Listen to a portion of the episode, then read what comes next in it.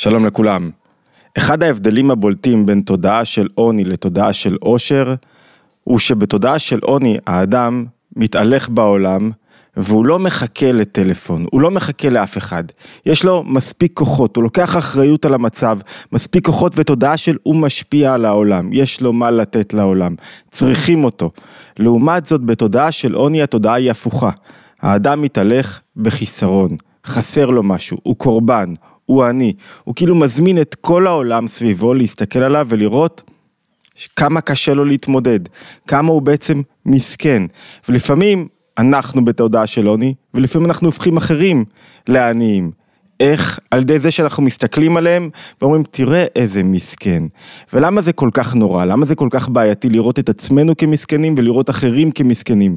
מה, מה זה עושה בעצם? לפני יומיים ביקרתי אצל קרוב משפחה יקר שלא ראיתי אותו במשך אמ, כמעט שנה והוא חווה, חלה במחלה ומחלה במובן הקשה שלה וההתמודדות לא פשוטה. הוא בחור צעיר בן 37-8, אב לשלושה ילדים והוא מתמודד. ולפני שהגעתי שלחתי לו איזה אס.אם.אס כזה, אחי אני יכול לבוא, כי שלחתי לו לפני כמה חודשים והוא לא כל כך רצה שאני אבוא.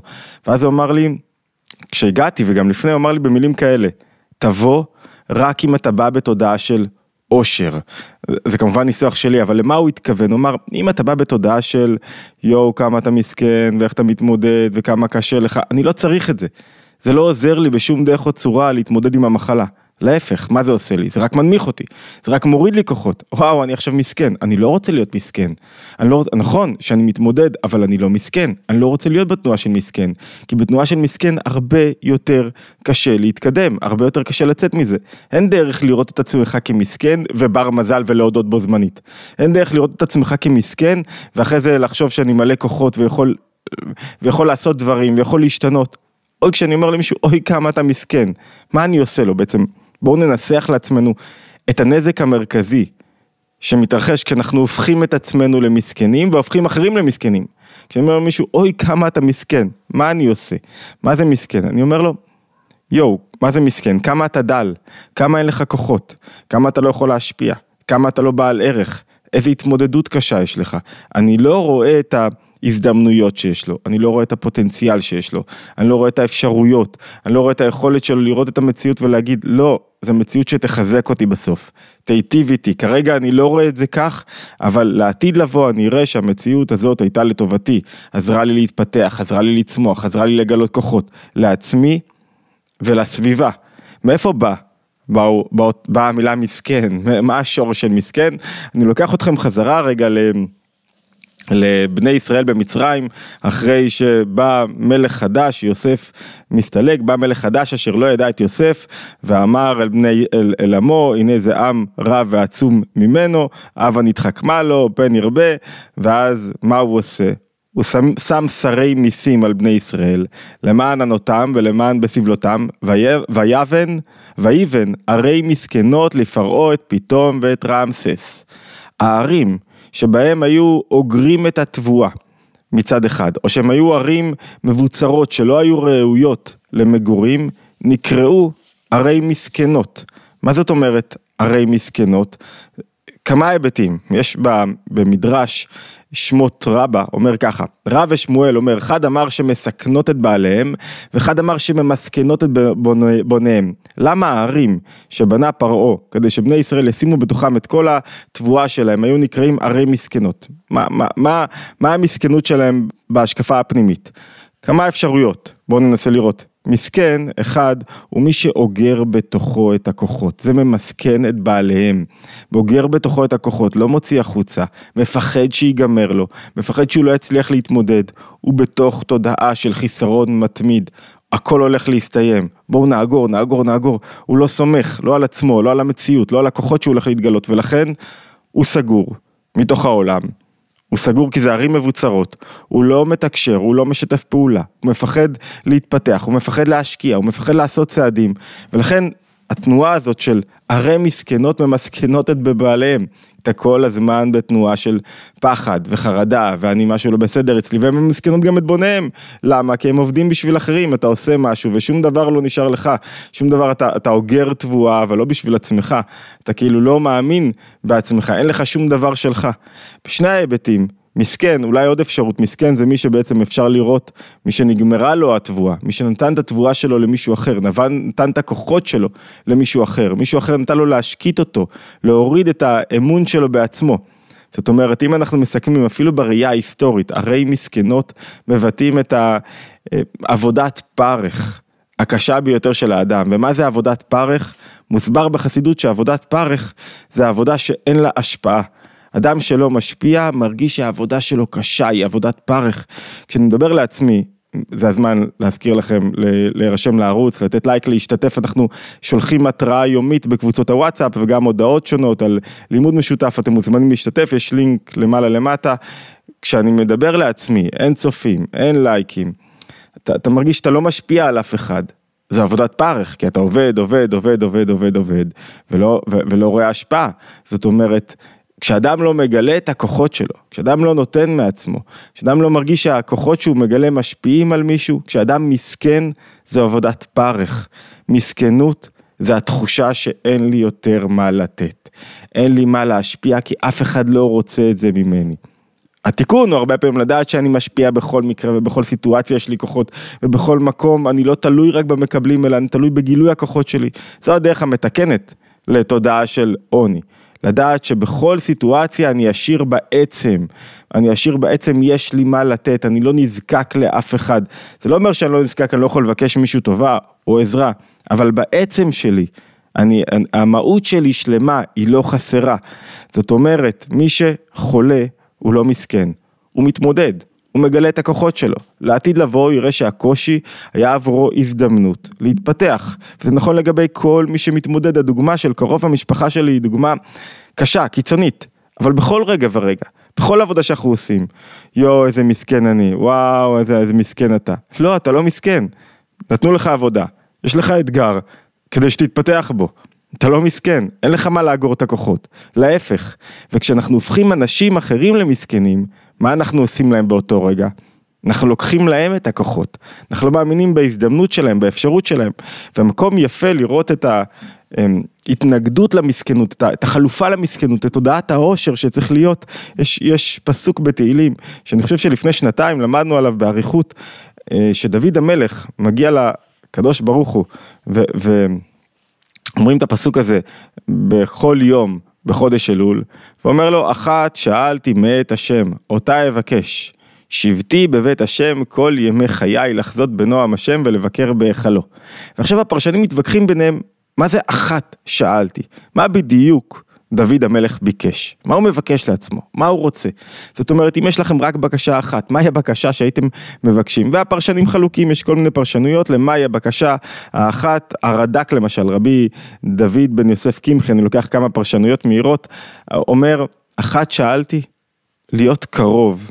לקדוש ברוך הוא.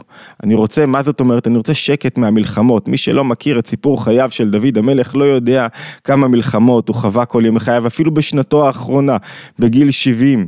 הבן שלו, אבשלום, מורד בו, חווה מרידות ומלחמות אינסופיות כל הזמן. רצה קצת שקט מכל המאבקים האינסופיים הללו, מהמלחמות האינסופיות. אז הוא מבקש קצת להיות לשבת בהיכלו, קצת שקט, לא להתעסק בצורכי הגוף, אלא בצורכי הנפש.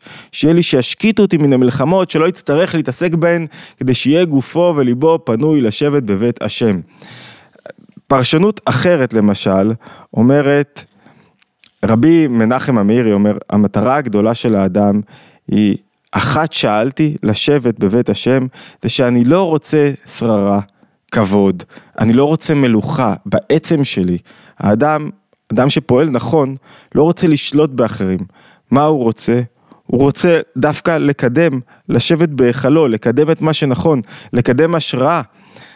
עוד פרשנות אולי בקצרה ניקח, פרשנות אחרת של החסידות, שתי פרשנויות מאוד יפות של החסידות, אומר אדמו"ר הזקן, אחת שאלתי, תמיד תבקשו את האחת. מה זה האחת? יש מלא עניינים והעולם מלא ריבוי של, של דברים, אבל מאחורי הריבוי הזה יש רק אחדות אחת. מהי האחדות הזאתי? אחדות של בורא בתוך הבריאה שמהווה ומחיה את הבריאה בכל רגע וחדש.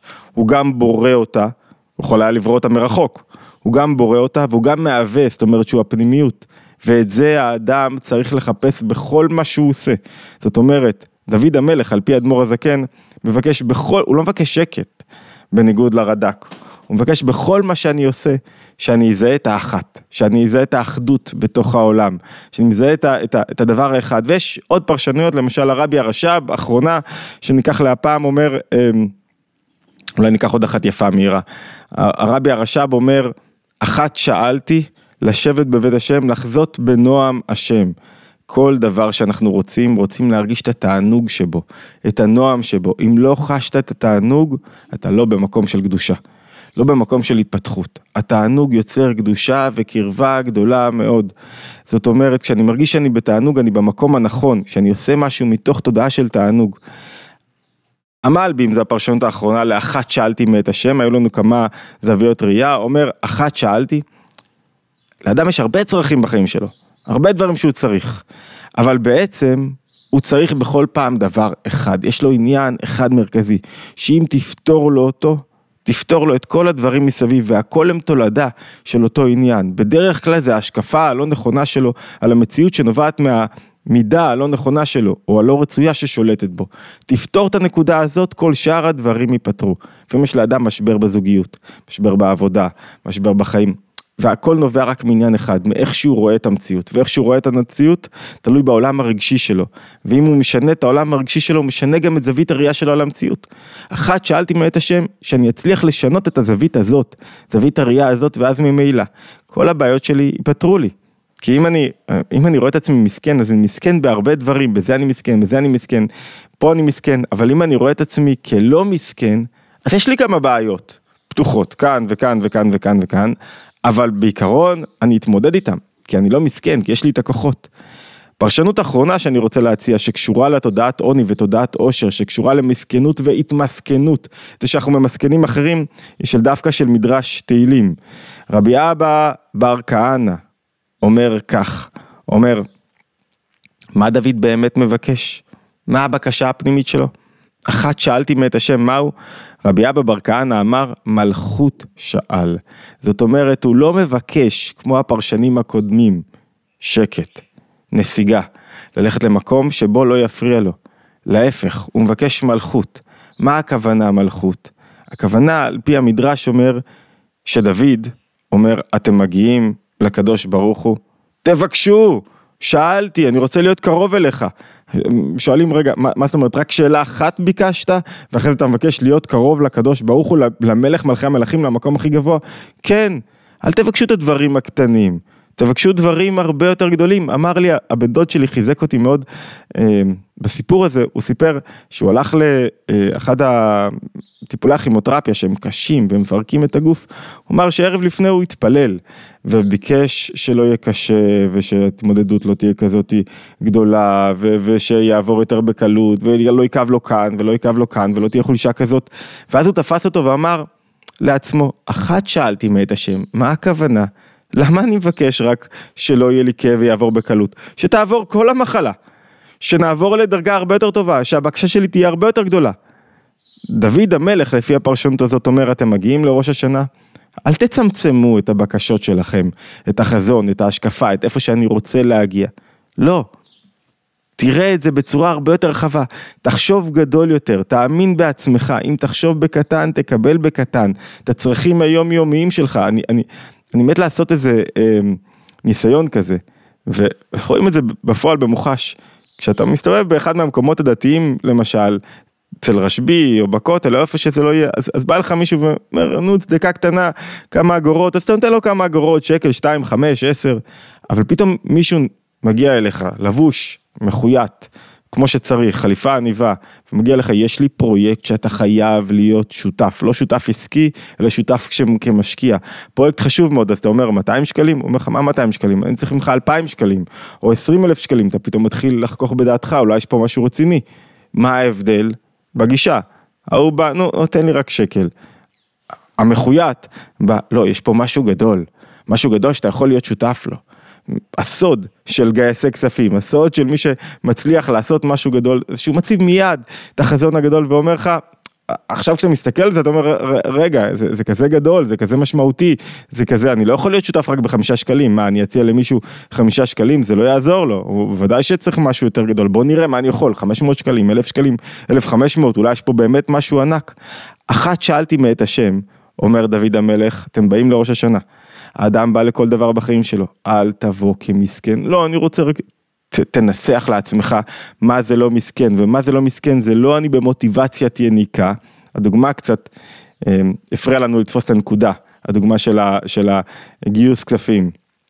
כי התנועה האמיתית היא, אתה בא לא כמסכן, זה אני לא מבקש נדבות, אני לא מבקש עזרה מאף אחד, אני בא כי יש לי מה להשפיע, יש לי מה לתת, וגם אם אני מתמודד ואני מבקש עזרה, אני יודע שאני לא מסכן כאן. אני לא מסכן, אני לא חסר, אני לא בתנועה של חיסרון, אני לא בתודעה של חיסרון, וכשאני לא עושה את זה לעצמי, אני פתאום רואים אדם שלוקח אחריות על החיים שלו. ותמיד יותר קשה לקחת אחריות על החיים, מאשר נגיד, אה, נו שמישהו אחר יעזור לי, אני מסכן, אני קורבן, דפקו אותי, אכלו לי, שתו לי, אף אחד לא יעזור לך בתנועה הזאת. אף אחד לא עוזר לנו כשאנחנו בתנועה של קורבנות ומסכנות. וכשאני בתנועה של אני לא מסכן, אני יוצא חזק. בכלל, בכל, בכל היבט. לעומת זאת, או לא לעומת זאת, אם נוסיף על כך, לפעמים אני ממסכן אחרים. מה אני עושה לאחרים כשאני ממסכן אותם אם אנחנו מסכמים? אני לוקח להם את הכוחות. אני אומר להם, אתם לא יכולים, אתם לא תגיעו, אתם לא טובים מספיק.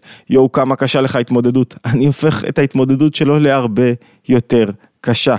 אז להוציא לנו מה, מהראש את המחשבה שאנחנו מסכנים, ואנחנו לא מסכנים, למה? כי המציאות, הרגע, מדויק עבורנו, ונברא בדיוק עבורנו, ונברא בשביל ההתמודדות שלנו, וכל מחלה וכל אתגר וכל קושי, הלכנו לאקסטרים. כל קושי הכי קטן שיש לי, משהו לא הסתדר, דברים לא קרו, לא, לא, לא קנו מאיתנו מספיק, יש לי איזה, איזה, איזה עניין לא פתור, לכולם יש, עשרות ביום, אני לא יכול להגדיר את עצמי כמסכן על פי שני דברים שלא הסתדרו לי. אני לא מסכן, יש לי התמודדות שנועדה כדי שאני אתפתח ואגלה את הכוחות שלי, וזו תודעה של עושר, שהיא יונקת מהטוב העתידי שהאדם לא מסכן, ואם הוא נברא, הוא נברא בעל תכלית ובעל השפעה, ולכן הוא לא מסכן. לכן הוא צריך לצאת לעולם ו- ולצאת עם כוחות ועם אמונה שצריכים אותו, שיש לו מה לתת, גם אם כרגע לא מקשיבים לו, גם אם כרגע אין לו מספיק צפיות, גם אם כרגע לא מספיק מעריכים אותו, הוא צריך להיות בתודעה של אני לא מסכן. כשאתה מסכן, או את מסכנה, אף אחד. אבל אף אחד לא יוכל לעזור לך. לא רב, לא פרופסור, לא מטפל, לא פסיכיאטר, לא פסיכולוג, אף אחד לא יכול לעזור. אתה מסכן, הסרת אחריות על החיים. כשהסרת אחריות על החיים, אני כבר לא, אף אחד כבר לא יכול לתת לך, לשלוח לך יד, אתה לא מוכן לתפוס את החבל ששלחו לך ולטפס יחד איתו. מזכיר, אנחנו בתוך התבוננות יומית, בכל יום עולה, עולה התבוננות בתורת הנפש היהודית, וגם מזכיר לכם את הספר החדש, שזה עתה בחנויות, המתנה שממש משנה, התגובות כל כך טובות, כי, כי ספר מקיף את אה, יסודות תורת הנפש היהודית, לפרוץ את גבולות האישיות. אה, בהוצאת ידיעות ספרים, 384 עמודים, אבל נגמעים ומשמעותיים. להשתמע בהתבוננות היומית הבאה.